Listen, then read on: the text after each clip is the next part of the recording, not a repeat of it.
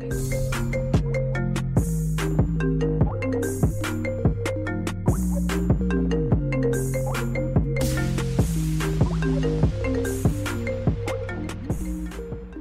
տեխնոաշխարհի ձայներն են, ձայներն են։ Աշխարհ, որը եւ ծանոթը եւ անհայտ։ Աշխարհ, որտեղ ապրում ենք մենք բոլորս եւ որը պետք է դեռ բացահայտենք։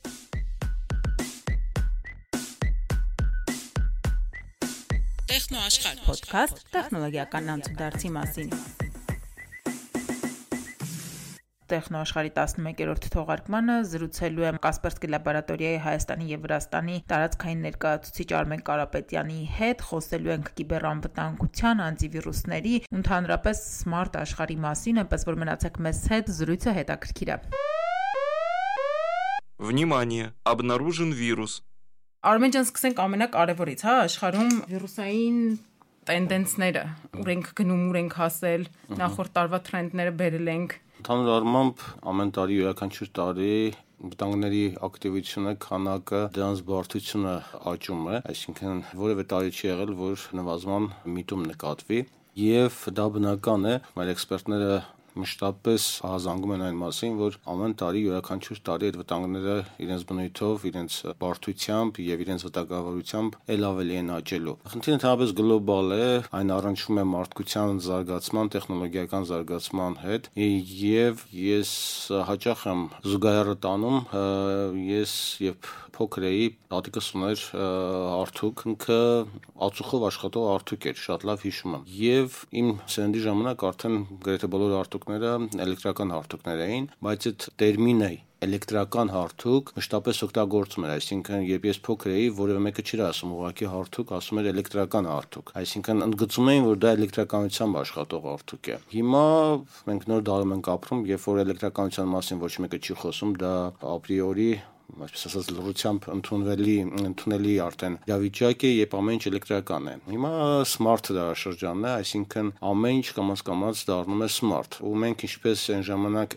էլեկտրական էինք ասում ու հպարտանում էինք, որ էլեկտրական է մեր սարքը, հիմա ամեն մի սարքին կցում ենք smart բառը ու հպարտանում ենք, որ ինքը smart է, խելացի է ու դա իրոք լավ է, բայց ամեն մի խելացի իր նաև բացասական մի կողմ ունի, ցանկացած խելացի սարք հակված է խոցելի լինելու եւ գալու է մի ժամանակ, երբ որ էլեկտրականություն բառը դուրս եկավ շրջանառությունից եւ ուղակի օգտագործում ենք իրենց անուններով, գալու է մի բան, որ այդ smart բառը դուրս գալու են པարս պատճառով, որ չի լինելու այդպիսի իր, որը smart չլինի, խելացի չլինի։ Սկսած հարթուկից, սարմանից, լվացքի մեքենայից, գրիչից, ակնոցից, ցանկացած իր մեր շրջապատող ինքը լինելու է խելացի, ինքը լինելու է ինֆորմացիա կրող, ինքը լինելու է մեր տարբեր սկսած բիոմետրիկ, վերջացած այլ տվյալներ, ստատիստիկա անող, կուտակող, ուսումնասիրող, մեզ օգնող։ Եվ դրա պատճառով գալու է մի պահ, արդեն իսկ այդ պահը սկսվել է, որ ամեն ինչ մեր շրջապատում դառնալու է խելացի, ստայդեմ խոցելի։ Եթե առաջ անտիվիրուս տերմինն էինք մենք օգտագործում, հիմա անտիվիրուս կամ հակավիրուս հասկացողությունը մի քիչ հնացել է։ Կիբերանվտանգության մասին է խոսքը գնում եւ մեր նպատակը հենց այդ ամբողջ մեր շրջապատող թվային աշխարհի պաշտպանությունն է խոսք գնաց խոցելիության մասին ես միշտ հիշում եմ, ես էլ իմ պապիկին եմ հիշում, ինքը մասնագիտությամբ ինժեներ է եղել, արդեն չկա պապիկս, ու երկաժանակ պոլիտեխնիկում դաս էր տալու, ասում են ինչքան ֆունկցիոնալություն ունի, ինչ որ իր այնքան ավելի ինքը հեշտ է փչանում ու իրան հեշտ է շարքից անելը։ Մեր ինտերնետ տրաֆիկը հիմնականում սպառվում է մոբայլ յուզերների կողմից, այսինքն մոբայլ հիմնականում հեռախոսներով, չգիտեմ, պլանշետներով են մտնում, սմարթֆոնների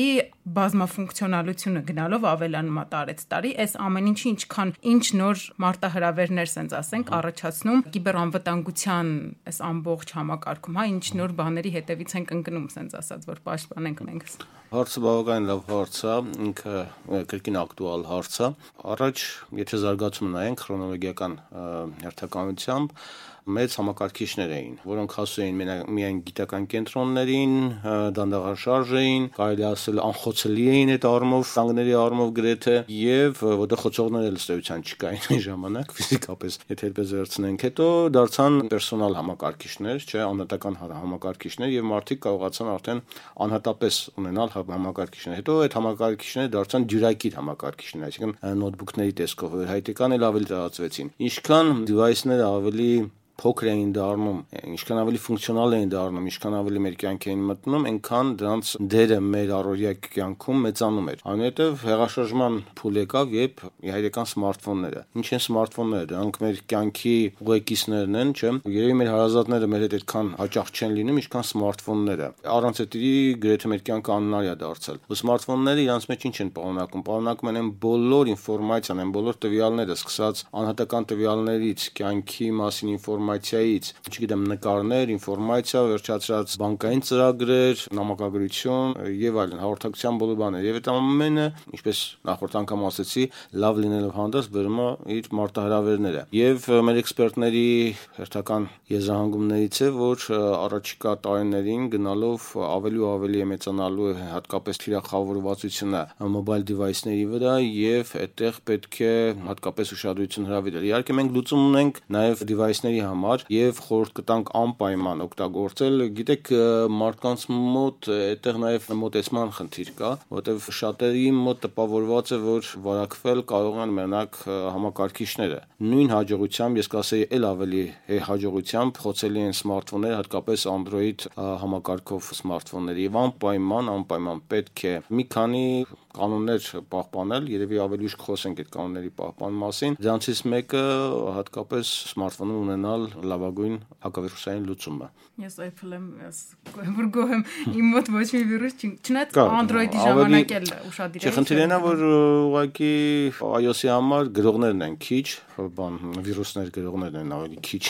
Մենակ դրանով պայմանավորված։ Մի քիչ ավելի պաշտպանված։ Այ ասացիք թիրախավորված հարցակումներ, թիրախավորված ինչին, բանկային քարտեր, մեյլեր, լոգին փասպորտներ, social media-ի, այ ինչին է։ Նայեք, ընդհանրապես հարցակումներ լինում են երկու տիպի։ Ոնց որ ուղակի հարցակում, առանց նպատակ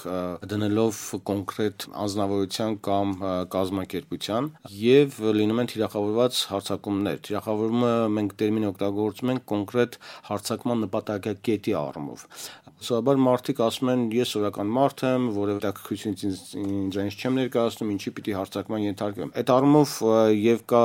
այդ մտքի մեջ ճիշտ կողմ եւ սխալ կողմ։ Այո, դու որպես հասարակ քաղաքացի, հասարակ մարդ, եթե դու կինոաստղ չես, քաղաքական գործիչ չես, չգիտեմ, միջուկային նոր ռեակտորի չգիտեմ, տեխնոլոգիական ինչ-որ մշակումներին չես մասնակցում եւ այլն եւ այլն, կոնկրետ քո վրա թիրախային հարցակում չի կատարվի։ Թիրախային հարցակում կատարվում է վերնշյալ կատեգորիաների վրա կամ պետական ստրուկտուրաների վրա։ Մյուս կողմից դու ապահովագրված չես լայնամասշտաբ համաճարակներից, որտեղ վիրուսային համաճարակներ են լինում տարվա մեջ մի քանի անգամ, օրինակ վանակրայը կամ տարբեր տիպի բանը եւ բացարձակապես դու ապահովագրված չես։ Մի օր երբ դու միացնում ես քո համակարգիչը, համակարգիչը քեզանից պահանջում է գումար, որպեսզի դու հասանելիություն ունենաս քո նկարներին, քո արխիվներին, քո նամակագրությանը, քո ֆայլերին եւ քո ամեն ինչին, այդ արդեն քո համար խնդիր է դառնում ու դեռ փաստ չէ, որ դու վճարելով այդ փրկագինը ճակերտներով դու հասանելիություն կունենաս, որովհետեւ չարագործները, չարամիտները շատ հաճախ վերցնելով գումարը կրկին են պահանջում կամ վերցնելով գումարը ընդհանրապես մոռանում են քո մասին։ Դրա համար նախապես պետք է այդ մասին մտածել, այդ առումով թիրախին հարցա թիրախային հարցակումներին ենթակային ավելի արժեք ունեցող անհատները, ճակերտներով արժեք ունեցող իհարկե արժեքավոր ինֆորմացիա կրող անհատները կամ պետական հաստատությունները եւ կամ լուրջ բիզնեսները։ Թիրախային հարցակումները սովորաբար ընտրվում է նախ զոհը եւ երկար ժամանակ սովորաբար միջին թիրախային հարցակման տևողությունը տարի տարուի կես է։ Ուսումնասիրվում է մանրամասնորեն զոհի բոլոր պարամետրերը, սկսած ֆիզիկական վերջացրած ինֆրաստրուկտուրային եւ ինֆորմացիոն տեխնոլոգիաներով եւ դրանից հետո արդեն որոշում է կայացվում թե ինչ մեթոդոլոգիայով կոնկրետ թիրախային այդ զոհի վրա հարցակում ունենա։ Նպատակները բազում են, սկսած ինֆորմացիայից, շանտաժից, գումարից եւ այլն։ Նպատակները բնականաբար կոնկրետ զոհի դեպքում տարբեր են ստրուկտուրաներում աշխատող հասարակ մարդ, բայց այստեղ կան